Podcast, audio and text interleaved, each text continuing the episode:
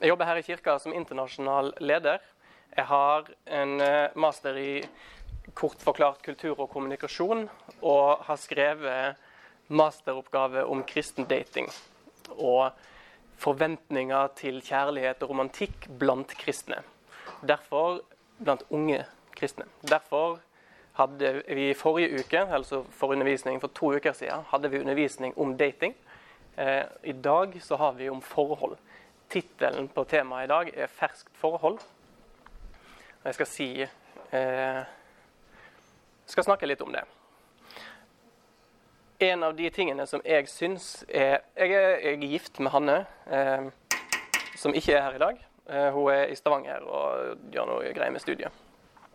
En av de tingene som jeg syns er utrolig interessant da, med den reisen som det er å gå fra liksom, dating til forhold og forlova og kjærester og gift og hele dette her, det er at underveis i disse fasene her så går du ulike prosesser som par og som enkeltperson. Og så snakker du gjerne med folk som eh, Hvis du i en, i en, datingperiode er litt sånn der åh, jeg syns dette er vanskelig, jeg, synes, jeg, vet ikke helt hvordan vi gjør dette, så snakker du gjerne med noen som er i et forhold eller forlova eller gift, for å på en måte få litt Er det jeg som er eh, problemet her, eller forventer jeg for mye, eller hva er greia? Og det som for min del har vært veldig spennende, er at i alle disse fasene så forandres på en måte svarene du får. Fordi de jeg har snakket med, som eh, alltid liksom, har ligget to-tre år foran meg på den eh, tidslinja der, de behandler deg meg. De behandler meg. Jeg skal ikke si at det gjelder dere, for her er vi litt forskjellige. Men um, du vokser i modenhet i hele den tidslinja her. Og det gjør òg svarene du får. Skjønte dere det? Det var min innledning. Så hvis dere um, ikke skjønte det, så gjør det ingenting, fordi vi har mye igjen. For min del så er det at altså, de problemstillingene som du har her, de tingene du syns er vanskelig her, og de tingene du syns er vanskelig her, er noe helt annet enn det du syns er vanskelig når du har vært gift i fem år. Og det er noe som kommer med modenheten, går det an å si. Poenget her er at det er en del problemstillinger du møter når du er gift, som når du er i en datingfase eller er nyforelska, oppleves som helt altså, utrolig at det går an å eh, krangle om disse tingene, f.eks. denne her. Before I got married, I didn't even know there was a wrong way to put the milk back in the fridge. Alle som ikke er gift, eh, ler ikke. Alle som er gift, kan til en viss grad kjenne igjen dette her. Eh, og Grunnen til at jeg åpner da, med dette, her er fordi denne undervisningen skal handle om forhold. Og i, eh, nede i første etasje nå, så arrangeres Familieskolen sitt samlivskurs. Som er et kurs for Jeg vet ikke om det på en måte er et krav at du er gift, men det er iallfall et kurs for folk som ønsker å bygge et sterkt og solid forhold. da. Og En av de første tingene du lærer på et samlivskurs, det er god konflikthåndtering. Som er noe helt annet enn konflikthåndtering generelt. Du lærer god konflikthåndtering. En av de første tingene du lærer på et forberedende ekteskapskurs er forvent at det blir konflikter, og så lærer du god konflikthåndtering etterpå. Um, og på dette, denne undervisningen her så skal vi da snakke litt om, uh, om forhold, og hva en kan forvente av et forhold. Uh, men jeg skal si litt mer om det. Vi skal Spørsmål én, som jeg har uh, begynt manuset mitt med, er når starter egentlig et forhold? Da kan vi gå tilbake til den her. Eh, dette er tidslinja som jeg ba mine informanter om å tegne opp. Jeg spurte Jeg forska på kristendating, og så sa jeg hvis vi tegner det punktet her, som er det punktet to mennesker møtes for aller første gang, og så lager vi en tidslinje helt fram til de gifter seg, hvordan vil du si den tidslinja ser ut? Og hva er det som skjer i de ulike fasene. Og Da fikk jeg ganske mange forskjellige spennende svar. Um, jeg fokuserte jo hovedsakelig på den her. Men det er noe sånn. Jeg har valgt å bruke den i dag, for den er fin å illustrere dette her. I den perioden hvor man er kjærester, det har man mange ulike navn på. Noen sier man er kjærester, noen sier man er i et forhold, noen sier at vi er um, Noen har ikke et navn på den perioden. De sier bare vi er liksom litt forbi datingfasen, men så er det ikke helt tid for å forlove seg. Og så prøver vi egentlig bare å finne litt ut av det. Og her har alle rett. Et vennepar av meg og Hanne har to helt ulike datoer for når de ble kjærester. Ikke helt ulike, det er snakk om ei uke i forskjell her. Han mener at de ble sammen 12.10. Hun mener de ble sammen 19.10. 12.10 var første gang de kyssa.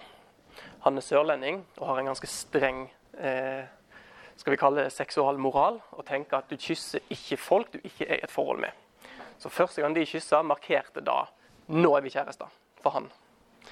For hun så Hun er trønder, har et litt mer liberalt seksualforhold, hvis det går an å si. Eh, moral. Sånn, eh, så hun spurte han tre-fire-fem dager etterpå liksom Er vi egentlig kjærester, eller hva? Ikke en sånn der 'skal vi bli sammen?'-spørsmål, men hun spurte hva er egentlig dette her? Fordi vi har ikke snakket om dette her, men vi kysser. Eh, og da Jo, nei, han mente jo at nei, vi er jo kjærester. Så hun mener der ble de sammen.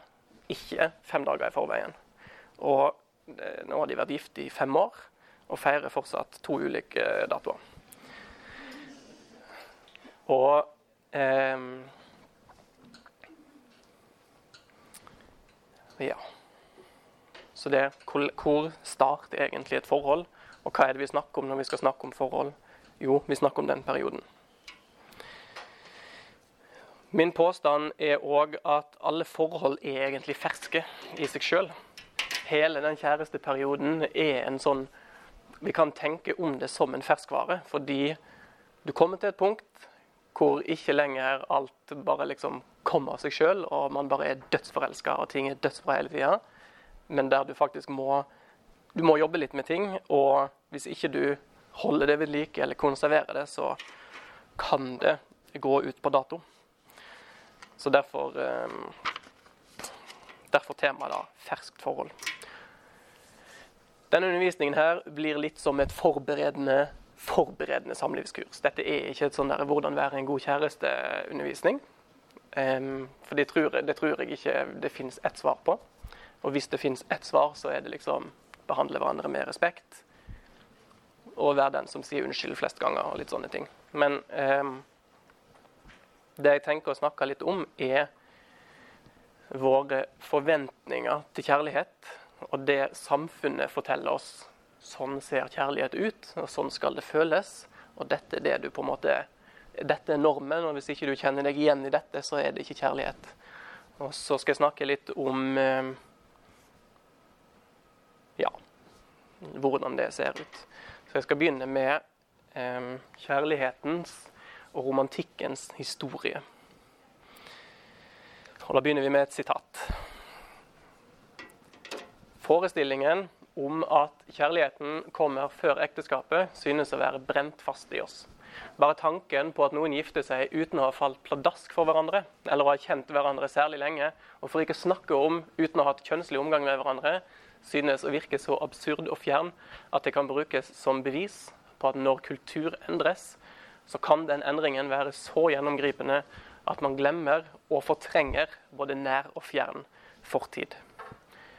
Dette er da Asaad Nasir, som er lærer i videregående, som skrev i et leserinnlegg i Dagbladet i 2014. Han kommer fra en bakgrunn hvor arrangert ekteskap, og nå skiller jeg mellom tvangsekteskap og arrangert ekteskap, sånn for referatet sin del. Arrangert ekteskap er en vanlig del av kulturen, og hvor at kjærlighet skal være et premiss i dette her, er en helt fjern tankegang.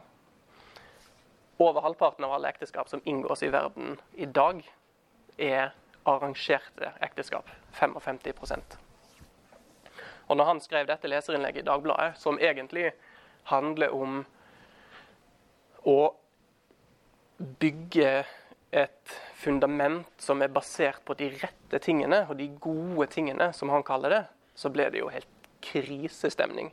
Eh, folk klikka jo, sant? fordi hvem er han som skal komme og fortelle at kjærlighet liksom ikke er viktig? Ikke er det, han, det er jo ikke det han sier i det hele tatt. Og det var så gale at til og med landbruksministeren på det tidspunktet uttalte seg om saken, fordi vedkommende har selvfølgelig masse å mene om kjærlighet. Um, I det som vi omtaler som Vesten i dag Jeg kan sette en parentes til. Um, når jeg tok masteren min, så var vi 23 nasjonaliteter i klassen. Nei, vi var 23 elever fra 14 ulike land. Sånn var det.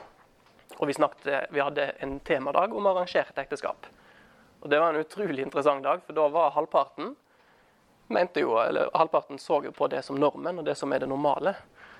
Og vi fikk en fantastisk interessant samtale hvor de snakker om at et arrangert ekteskap ikke er et dumt ekteskap, fordi det er jo gjerne dine foreldre og tanter og onkler som kun vil at du skal ha det bra, som har vært og på en måte funnet en person som er bra for deg. Det handler ikke om liksom, kjøp og salg av unger, dette her. Igjen tvangsekteskap noe helt annet og et stort problem. Men eh, parentes slutt. I det som vi i Vesten i dag omtaler som eh, vi har noen veldig klare tanker om at forelskelse og følelser må være helt sentrale i et forhold, og spesielt i et ekteskap. Hvis ikke så fungerer det ikke. Sannheten er, som Assad peker litt på, er at disse tankene og ideene er egentlig helt nye, òg i Vesten. Enkelte av våre besteforeldre Nå sier jeg bare at vi alle er like gamle, selv om det er ti år mellom meg og Bendik. Um, våre besteforeldre, av oss som er i det rommet her, så vil sannsynligvis et lite fåtall kunne si at de gifter seg av kjærlighet. I det bildet vi har av det. Hvis vi hopper én generasjon til tilbake i Norge, til våre oldeforeldre, så vil sannsynligvis ingen av de kunne sagt at vi gifter oss av kjærlighet sånn vi kjenner det i dag. Dette her er et fenomen som er ganske nytt i verdenshistorien, utenom i bøkenes verden. Og Det er det jeg skal bruke litt eh, tid på å snakke om innledningsvis nå. Kjærlighet, romantikk og språk som vi bruker rundt dette her. Når eh, vi ser på vårt samfunn forståelse av kjærlighet og ekteskap og disse tingene, så kaller vi den perioden vi lever for nå, i romantikkens tid.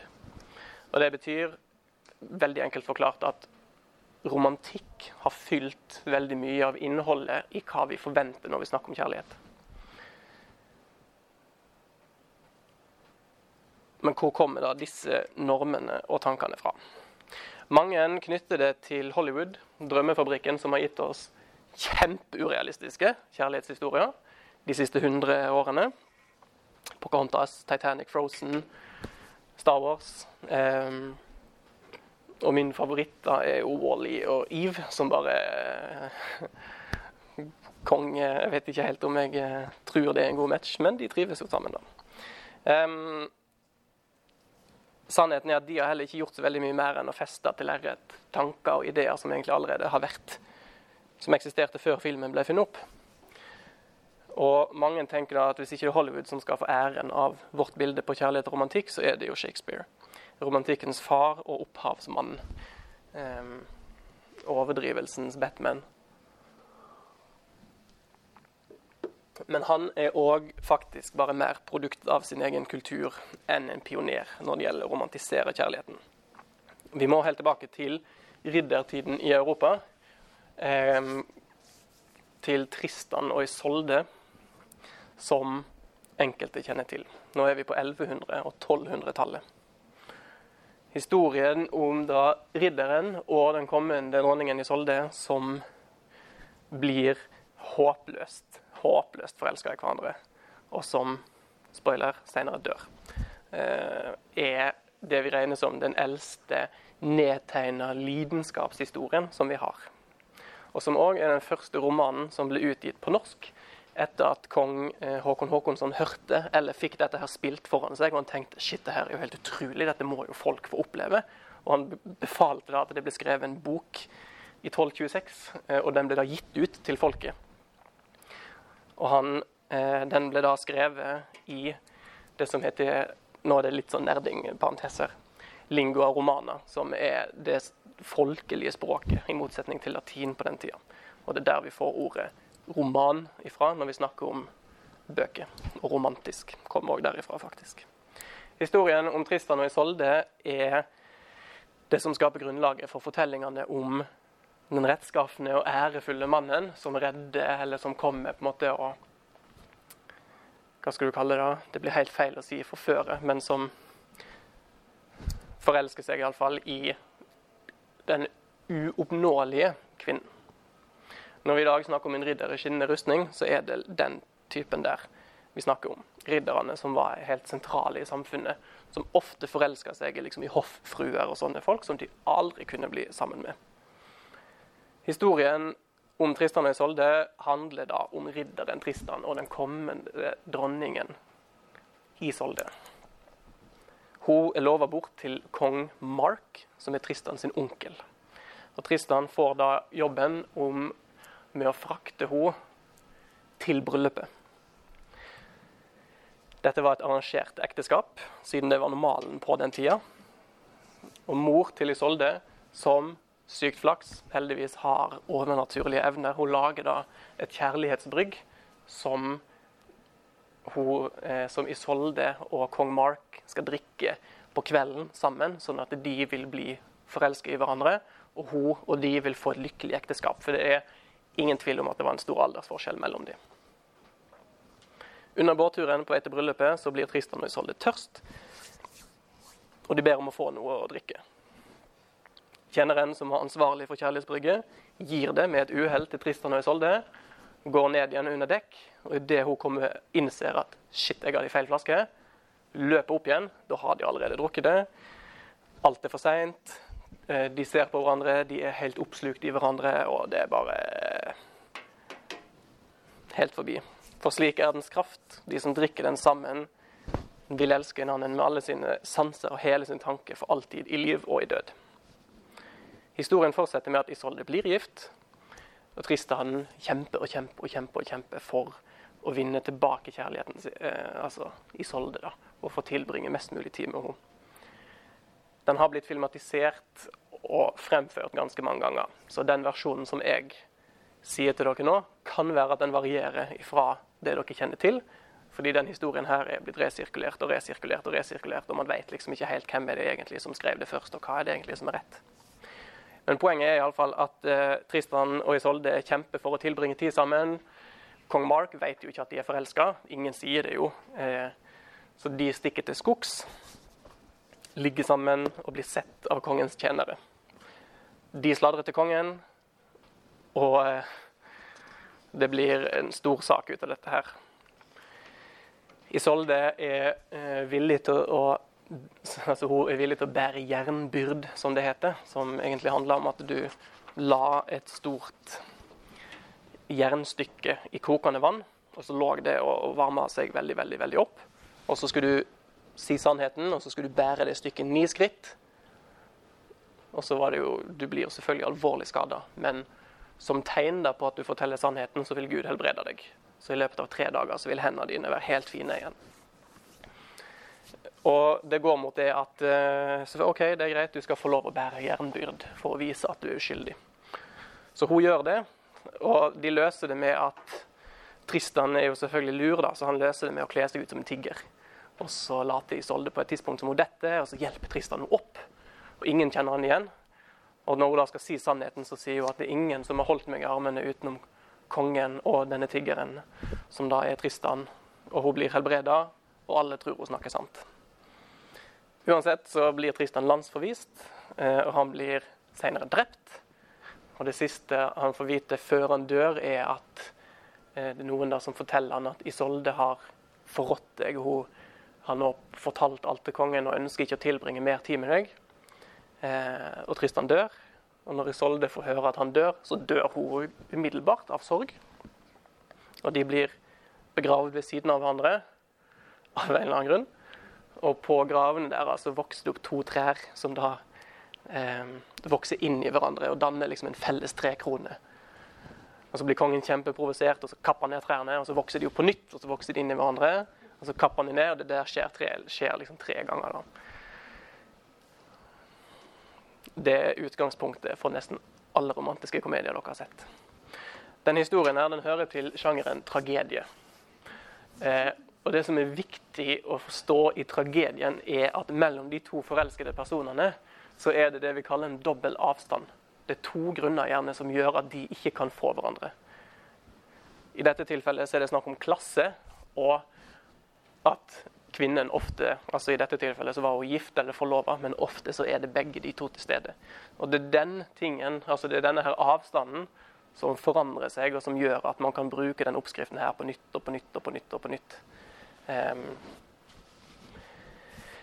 vi kan spole fram 200-500 år, tror jeg til og med det, til Romeo og Julie, hvor de får jo aldri hverandre fordi Eller det vil være helt uaktuelt at de gifter seg, for de kommer jo fra hver sin eh, rivaliserende familie, hvor man liksom hater hverandre.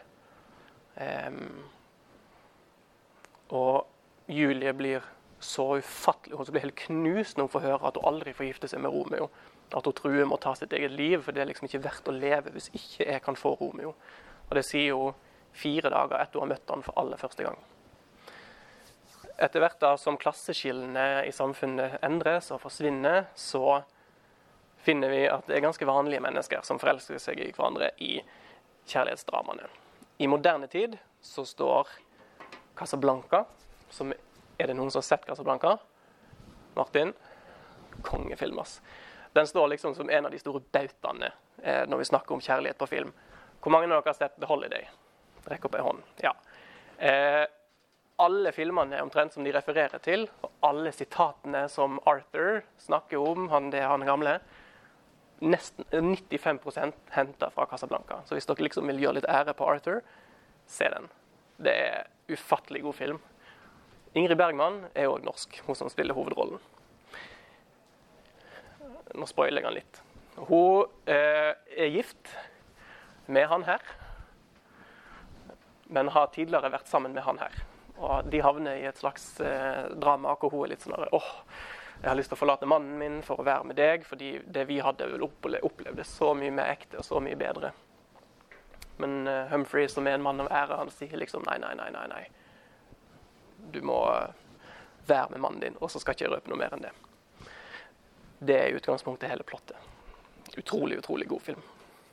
I aller nyeste tid så er gjerne I Walk to Remember eller The Fault in Our Stars eh, to kjempegode eksempler på tragediefilmer. Dette er egentlig to bøker som har blitt filmatisert. I disse to historiene treffer vi en gutt og en jente som eh, kommer fra to helt ulike familier, eller to helt ulike bakgrunner, kan vi si.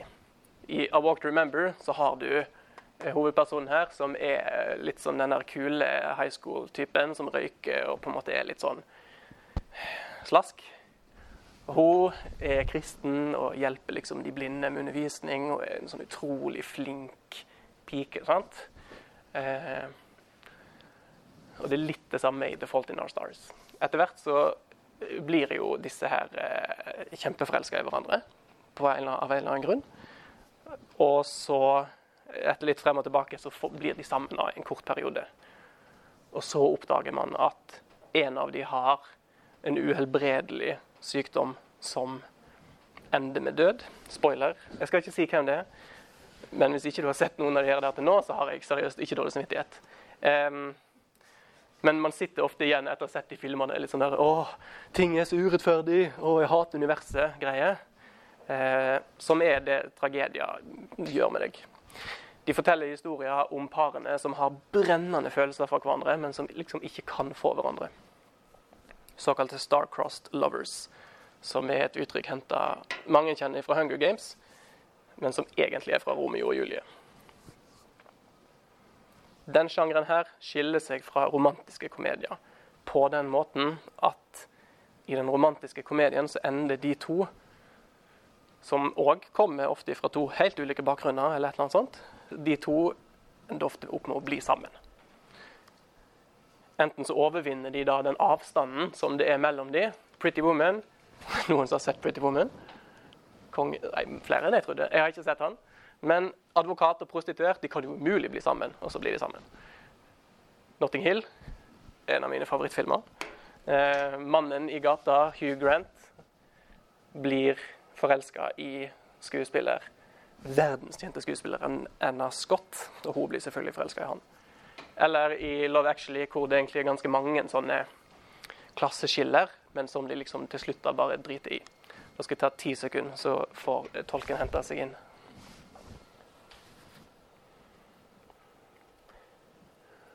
Henger du med? Bra. Kan også, I Flåklypa òg så har liksom den her eh, litt sånn uoppnåelige kjærligheten med disse med solene. Og så, eh, jeg, vet, jeg, husker ikke hva dyr de er. Men eh, der òg møter du den derre Åh, han er jo en helt vanlig medhjelper til en sykkelreparatør, og hun er liksom Ben Reddik-fifasen. fy. Og det er jo umulig at de kan få hverandre, men det gjør de jo til slutt der òg. Det som går igjen, da, er at eh, i alle disse filmene her Jeg har ikke sett eh, Pretty Woman, men sannsynligvis så hiver de enten fornuften ut av vinduet, eller så hiver de det vi kaller samfunnets forventninger og normer om på en måte at eh, Det er jo helt umulig at, eh, at, Julia Roberts og Hugh Grant kan bli sammen her. Og det blir ofte et problem midt i filmen òg, men de velger å bare droppe det. The Holiday er jo òg en sånn film hvor helt mot slutten så ligger de i senga og så ramser de opp alle grunnene til at det ikke fungerer. Og det virker som det blir liksom en sånn skikkelig rasjonell avgjørelse her nå på at eh, jeg bor i London, du bor i New York. LA, mener jeg. Eh, jeg har unger, du har ikke. Vi må på en måte være litt her. Nei, det kommer aldri til å funke. Og så går det to sekunder. Nei, drit i, vi bare kjører på likevel. Um, ja. Fordi man føler da at den forelskelsen og det som vi har, det er liksom så ekte. Og det er så riktig at dette må være ekte kjærlighet, og dette må vi kjempe for. Og så sier jeg ikke at det er dumt, men allikevel. Begge disse sjangrene her gir et helt fullstendig urealistisk inntrykk av hva kjærlighet er, og hvordan det oppleves. I undersøkelser i Norge så svarer én av fem nordmenn at de har fått urealistiske forventninger til kjærlighet og forhold etter å ha sett film, spesielt romantiske komedier. Så kan vi gå ut ifra han eller hun har sjølinnsikt. Sannsynligvis så har en viss del her òg sjølinnsikt. At det bare er én av fem som får urealistiske forventninger, det sliter jeg med å tro. En undersøkelse fra Sverige viste at 50% av menn som ble spurt, opplevde at pornografi påvirka deres forventninger til intim kontakt på en negativ måte. Samtidig så svarte nesten 80% at de opplever at pornografi påvirker vennenes forventning til intimitet på en negativ måte. Med jenter, eller damer, så mente 28% at de sjøl ble påvirka negativt av pornografi, men 83% kunne si at venninnene ble negativt påvirka av pornografi. Og sånn er det litt når vi snakker om disse tingene òg, at eh, vi har ikke så mye sjølinnsikt på dette området her. Det er viktig å være bevisst på. I tida mellom de første fortellingene om Tristan og Isolde og frem til i dag, så har da trubadurer og operasangere og forfattere og komponister bevart dette da vestlige bildet på romantikk og ekte kjærlighet. Og resirkulerte og resirkulerte og gjort det dagsaktuelt hele tida frem til i dag. Etter hvert så tok Hollywood over stafettpinnen og fyrte opp under denne drømmen om liksom, altså soulmates, sjelevenner, kjærlighet ved første blikk og sånn evig Spesielt evig kjærlighet. Og at den følelsen jeg har, det er det ingen som kan kjenne igjen. Fordi det som jeg kjenner, er helt unikt. Så tenkte jeg vi skulle se en uh... Nei. Jo.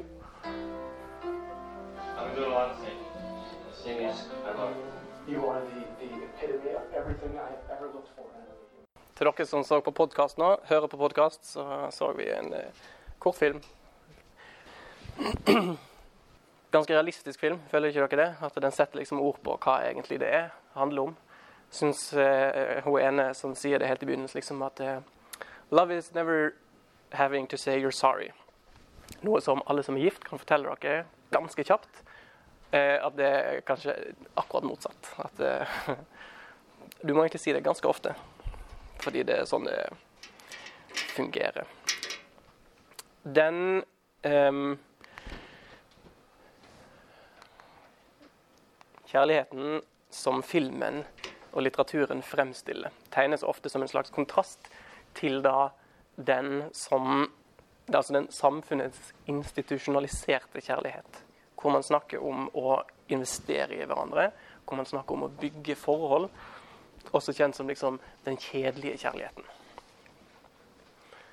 Hvis Hanne og jeg hadde hatt besøk av et eh, nyforelska kjærestepar eh, som liksom er helt der, maks nyforelska, og de hadde spurt liksom åh, hva er det dere liksom liker så godt med hverandre? Og jeg og Hanne hadde sagt at vi er eh, ganske enige om våre langsiktige økonomiske mål, og det gir oss en ganske god trygghet og stabil ramme for ekteskapet vårt. Så det er klart at vi hadde mista folk for lenge siden. Og det er lov å le av, for det, sånn er det jo. Men det er òg veldig viktig å forstå at på et tidspunkt i denne relasjonstidslinjen, som jeg viste helt i begynnelsen, så blir det faktisk et ganske reelt eh, en reell ting som du søker etter. At det å oppleve at man har felles verdier og tanker om hva er god oppdragelse, hva er nok tid med svigers eh, og sånne ting, det blir Nyforelska tror at du er helt sjuk når du snakker om disse tingene, mens eh, etter hvert så ja, blir det veldig viktig. Den følelsesbaserte kjærligheten blir ofte fremstilt og tenkt som den ekte kjærligheten og dermed mer verdt. Og Bakgrunnen for det, og det som gjorde at disse her eh, romantiske, altså tragediene og sånne ting er så aktuelle, er jo at ekteskap helt frem til ca. for 100 år siden var eh, Jeg skal bare lese det fra manus, jeg heller, det er lettere. Ekteskapet var en praktisk avtale inngått mellom familier, hvor utgangspunktet ofte handla om de ulike familiene sin overlevelse, og det å liksom sikre ulike familier sin mulighet til å faktisk klare en generasjon til. Disse ekteskapene, selv om flere nok var lykkelige, var verken basert på følelser eller friheten til sjøl å si nei, noe som i ganske mange av de arrangerte ekteskapene i dag er en mulighet Arrangerte ekteskap, så har du innenfor veldig mange kulturer helt lov å si nei, um, som er viktig å si. Um, ekteskapet var oppfatta mer som en plikt enn en rettighet. Og kulturhistorisk sett så var det sjeldent at uh, gjensidig kjærlighet i det hele tatt var noe man snakket om. Det kom liksom etter hvert. Er poenget. Og Sånn var det i Norge ja, inn, frem til ca. for 100 år siden. Husholdningen var før den industrielle, revolusjon et arbeidsfellesskap, først og fremst. Det gammelnorske ordet og danske ordet for gutt er dreng. Og dreng betyr òg arbeidskar, eller gårdsgutt. Og det at de to var likestilt, var liksom en del av greia. Det var sånn verden fungerte. Eh, det handla om overlevelse. Familien AS man tenkte ikke så mye på meg og så mye på deg og på hva er mitt og hva er ditt. Man tenkte på oss. Mange familierådgivere, ekteskapsrådgivere og samlivsterapeuter og alt sånt snakker ofte om um, De bruker et bilde da, hvis du sitter til samlivsterapi. Så sitter du Nå bruker meg og Hanne som bilde. Så sitter jeg her, og så sitter han her, og så sitter familien Kvåle AS sitter her. Og så kan man spørre hva er det familien Kvåle trenger her nå? Og så er det et svar på det.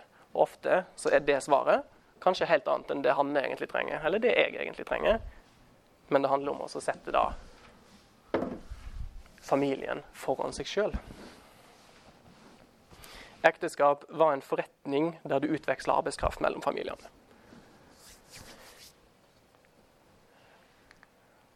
Og Det som blir omtalt som den romantiske revolusjon, det eh, skjedde i samme åndedrag som den industrielle revolusjonen. Men det lærer ikke vi så mye om i historien. I forbindelse med at industrialiseringen og kapitalismen kom, så eh, var ikke lenger familien et sånt arbeidsfellesskap, men fordi produksjonen ble skilt ut fra husholdet, og en ny familiestruktur ble etablert, og en ny samfunnsklasse ble skapt. Den borgerlige samfunnsklassen. Og den ble tufta på ideen om et kjærlighetsbasert ekteskap og arbeidsfellesskap. Så denne tanken om at den intense kjærligheten som Hollywood gjerne forteller oss, skal være bærebjelken i et ekteskap og, og sånne ting, er et vestlig fenomen. Men det er òg et vestlig fenomen helt, helt, helt i nyere tid. Hvis du, som jeg sa, går tilbake 100 år, ikke så veldig mange som snakket om det annet enn i bøkene. Um, det har kommet underveis hvor med individualiseringen og industrialiseringen. Så skal vi snakke om det gode norske ordet kjærlighet, eller kjærlighet, som enkelte uttaler det. Det er veldig mange som blander romantikk og kjærlighet. Og Det er liksom punkt én på undervisningen i dag. Nå har dere fått litt om det. Husk at disse to tingene er to adskilte ting. Ordet kjærlighet vi, er det vi snakker om når vi snakker om følelsene mellom en mann og kvinne. Det er òg mellom foreldre og barn. Og vi kan snakke om nestekjærlighet, som da går mellom folk vi ikke kjenner, eller liksom en abstrakt kjærlighet til vår felle, altså våre andre medmennesker. På gresk, som er Du kan ikke være i en eh, ekte frikirkelig menighet uten at noen tar opp gresk på en eller annen undervisning så har man tre ord for kjærlighet. Eros, filia og agape. Alle tre kan oppsummeres i det norske ordet kjærlighet, men de nyanserer det på en helt annen måte enn det vi gjør.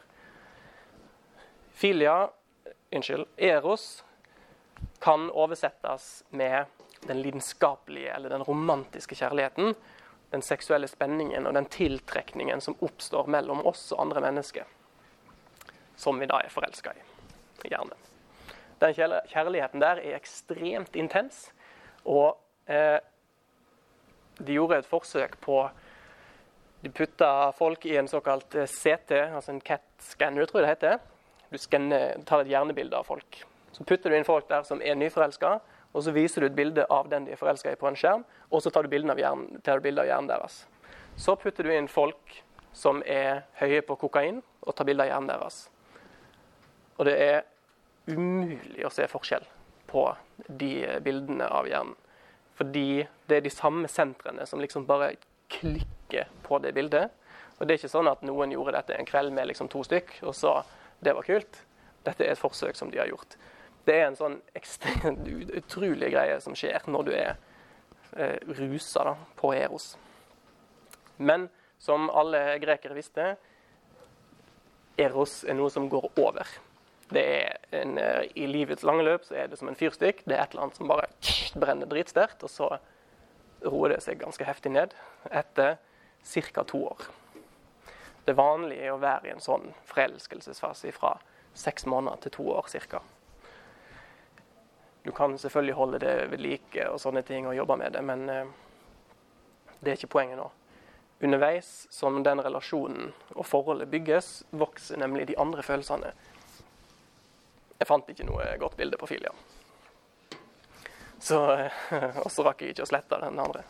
Filia oversettes ofte til norsk med en sånn vennskapelig kjærlighet, med en eh, broderlig kjærlighet, men det fanger ikke helt liksom, den varmen omtanken som egentlig ligger i det.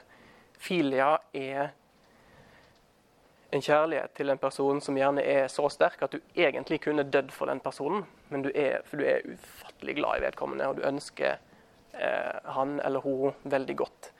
Dette er en følelse du har for dine spesielt nærmeste venner. Ikke familie, fordi det er et eget ord på. Aristoteles mente at det her er liksom den følelsen du bør basere valg av ektefelle på. Rett før undervisningen her nå, som jeg sa, så er det sånn samlivskurs i første etasje. Så utnytta jeg muligheten til å spørre et par av underviserne. Og jeg sa liksom Nå har jeg ca. 30 stykk som unge voksne som skal sitte i et rom. Hva er viktig å snakke om? Eh, og da ble det satt ord på akkurat dette her må snakke om liksom, viktigheten av å ikke legge så mye i den forelskelsen. Ja, man skal kose seg, og det er en god periode å gønne på. Men det er liksom ikke det, er ikke det du skal velge ut ifra. Prøv å, å, å, å forklare de det på en god måte. Det er det jeg prøver på nå. å basere valg av ektefelle på eros, det var noe som liksom bare ungdommen gjorde. Og ungdommen her er forstått som de som er helt uten erfaring, og de som er helt uten opplæring akkurat nå. De som er uviten i denne beskrivelsen. Fordi etter hvert så innså man at filia er en kjempeviktig ting, og det er liksom det som varer. Filia er avhengig av at du bygger på forholdet for at det skal vare. Det er ikke Eros. Det er derfor vi kan oppleve å være forelska i noen som overhodet ikke er interessert i oss. Men vennskap, hvis du ikke pleier de, vil med tiden òg da dø. Eller ikke dø, men det, dere skjønner poenget. Um, mm. Det tredje ordet er agape. Dette er liksom den høyeste formen for kjærlighet. Typisk den kjærligheten som Gud kjenner ovenfor oss, eller som um, vi kan oversette med nestekjærlighet, men det òg mister liksom mye av ordet. Det er en sånn ubetinga kjærlighet som vi føler overfor mennesker som har såra oss ganske mye, men som vi allikevel er glad i. da. Um, det er den følelsen du kan føle overfor skuespillere på film eller i teaterstykker som um, gjerne mister noen de er veldig glad i, eller som opplever noe enormt tungt. Så kjenner man en sånn medfølelse overfor dem. Agape er den eh, kjærligheten som elsker på tross av og ikke på grunn av. I Johannes 3, 16, for så høyt har Gud elsket verden, så brukes ordet agape. Og Det er et ord som det blir liksom ikke bare slengt rundt i Nytestamentet. Det er en del plasser hvor det brukes, men eh, da er det når f.eks. Jesus snakker til disiplene, eller oss, om å elske våre fiender.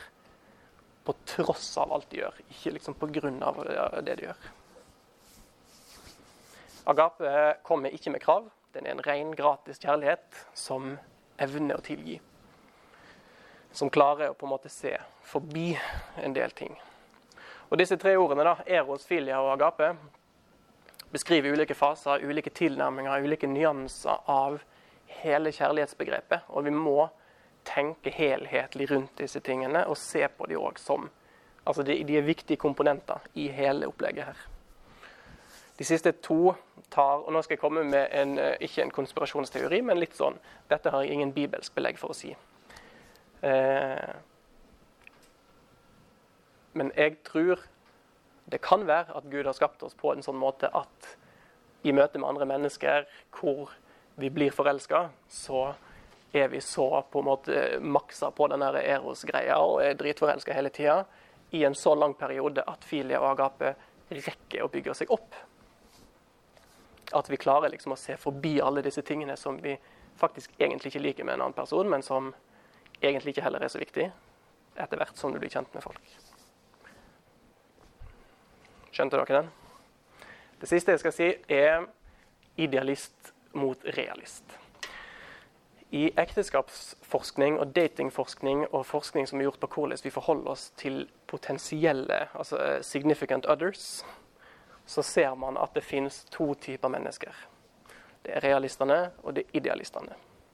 Realistene er romantiske folk som er på jakt etter sin sjelevenn, soulmate. Og bare gjennom han eller hun så finner de liksom lykken. Og det er gjennom han eller hun de oppfyller denne her tanken om eh, å leve i tosomhet. Det er typisk jente. Det skal jeg si mer om til slutt. Hvorfor det er typisk jente. Fallgruva til idealistene er at de kan bli veldig perfeksjonister.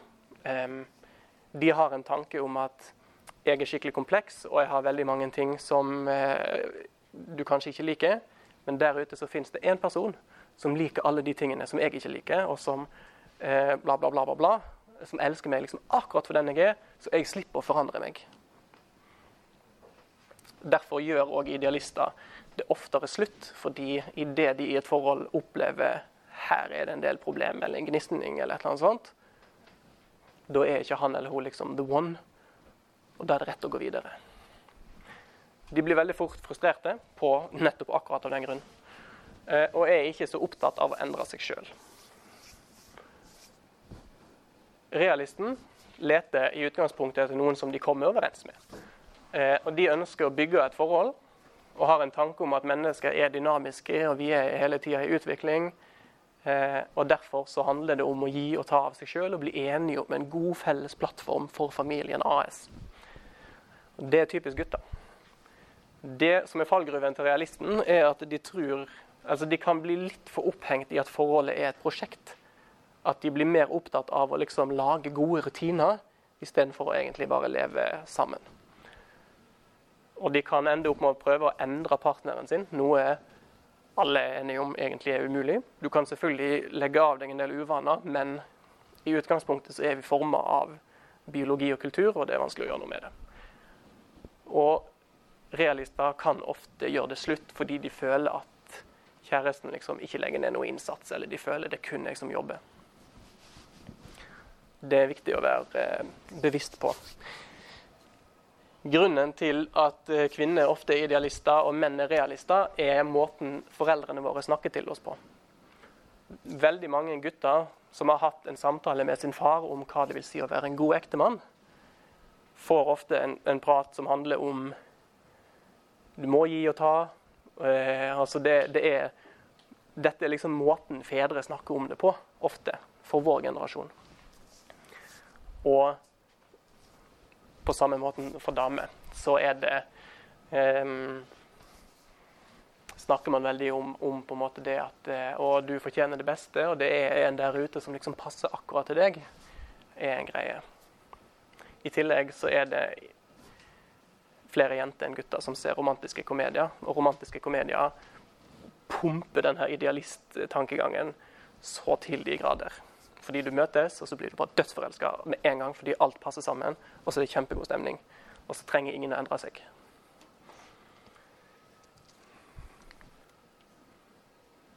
Jeg har spurt en del folk hvis du hadde hatt 30 unge voksne i alderen 18 til 30 litt pluss år i et rom, og du skulle snakke med dem om temaet ferskt forhold, hva hadde du sagt? Hvor lang tid har jeg brukt, Ingebrigt? 45? OK, da, da, rekker vi å ta det kjapt. Du må si at de ikke må undervurdere forskjellene mellom, forskjellene mellom deg og din uh, significant other. Um, I begynnelsen, når man er forelska, så opplever man forskjeller som en styrke. Vi utfyller hverandre. Jeg hater å rydde. Hanne elsker å rydde. Derfor passer vi godt sammen. Det fungerer veldig godt helt til dere flytter sammen. Eh, og ting som på en måte man i begynnelsen syns er litt søtt, blir etter hvert ekstremt irriterende fordi du føler du har en tanke om at det som er søtt, er noe han eller hun kanskje kommer til å legge litt av seg. Eh, og det gjør vi sjeldent. Det andre er forvent konflikt. Eh, du må si til folk at, at eh, de må forvente krangler. Og det er greit. Bygg grunnmuren i fredstid. I den perioden hvor man er forelska, og du egentlig slipper å investere i forholdet, det er en periode som er ufattelig bra å, å kunne tenke langsiktig og våge å ta de pratene som krever en del overskudd for å bli bedre kjent med hverandre. Det er viktig å på en måte nyte den tiden som nyforelska, den tiden hvor man liksom er sammen. Men vær litt voksne i òg ta det seriøst. Hva er det med min significant other som jeg vil synes er attraktivt om fem år, ti år, 30 år? Dette er ikke noen jeg har spurt om, men dette er en skilsmisseadvokat som er regna som liksom en av de bedre skilsmisse... Ja. Vi snakka ikke om grunnmur forrige gang, eh, på samme måten, men la oss si at eh, Det er mye lettere å bygge Grunnmurene her er et veldig vidt begrep, og det er meningen. Fordi man har ulike verdier som man setter høyt. Eh, og det er i den perioden hvor man er forelska, i den perioden før man forlover seg, så er det et veldig godt utgangspunkt for å f.eks. få inn gode rutiner på, på eh, det å be sammen, få inn gode rutiner på, på en del ting før man havner inn i vaner og det blir vanskeligere å endre rutinene sine. Eh, men òg og når det ikke krever så mye jobb å på en måte holde forholdet i gang. Det høres veldig depressivt ut, men um, ja. Jeg tror, jeg tror, på en måte Hvis jeg skal utdype, så må jeg snakke om, om hva legger i grunnmur. Og det blir en ganske sånn det jeg, vil, jeg syns det er skummelt å smalne det inn. For da snakker vi om hva jeg legger i et godt forhold. Et, et konkret eksempel, da, som Um, når jeg og Hanne data, så var jeg ganske kjapp med å stille spørsmål hvor hun ser for seg hun vil bo. Både på en måte allerede til neste år, men òg om ti år. Og eh, hvis det ikke var forenlig med det jeg tenkte, eh, først og fremst da til neste år, så mente jeg at da var det på en måte, da bare avslutter vi det nå. For da jeg orker ikke liksom i mai å skulle Når vi har vært sammen i et år og vi er veldig forelska, og da skulle liksom ta et avstandsforhold. Fordi for meg så var det helt uaktuelt. Men det kan være litt, det er veldig individuelt. Mm. Skilsmisseadvokaten han snakker om at hvis folk hadde tatt forholdet sitt, altså valg av partner, like seriøst som valg av bil, så tror han veldig, veldig, veldig mange hadde unngått skilsmisse. Han sier det som eh, Det er et litt banalt eksempel, sier han, men se for deg at du kunne velge deg akkurat hvilken bil du vil ha i hele, hele, hele verden. Veldig mange tenker umiddelbart på liksom en sportsbil eller liksom en, litt, en litt sånn kul bil. Typisk gutter, iallfall. Eh, og så sier han OK, du må ha den bilen til du dør. Du får ikke lov å ha noen andre biler. Da må plutselig veldig mange Oi, shit. Da må de tenke helt nytt. Hva om jeg får to unger? Jeg må ha baksete, jeg må ha et bagasjerom. Fint med takboks. Muligheten for det. Mm. Og så blir det et helt annet spørsmål.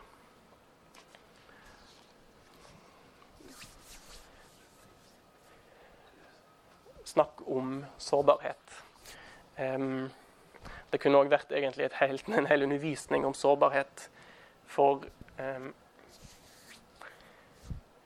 i den kjæresteperioden, i det forholdet, det er en ufattelig god arena for å øve seg på sårbarhet. Det fins ingen trygg plass du kan øve deg på å være sårbar. Vår generasjon, Mange i vår generasjon tror at det å stille seg sårbar vil si i smågrupper jeg syns det er litt vanskelig å finne tid til å trene, eller jeg får ikke lest så mye i Bibelen som jeg vil. Men det er så ufattelig langt fra sannheten som det egentlig er. Det å stille seg sårbar er jeg liker her å bruke en god venn Morten Eikeli som eksempel. Det er å si i en cellegruppe jeg sliter kjempemye med pornografi. Og jeg har et alvorlig problem med det. Uten å vite hva kompisene dine sier til deg umiddelbart etter du har sagt det. Det er å stille seg sårbar. Så sier jeg ikke at du skal ta opp alle problemene dine med, med kjæresten din i et forhold, men, men eh, i det forholdet så er det på en måte en reise hvor du egentlig stiller deg litt og litt og litt og litt og litt mer sårbar. Og teste det ut.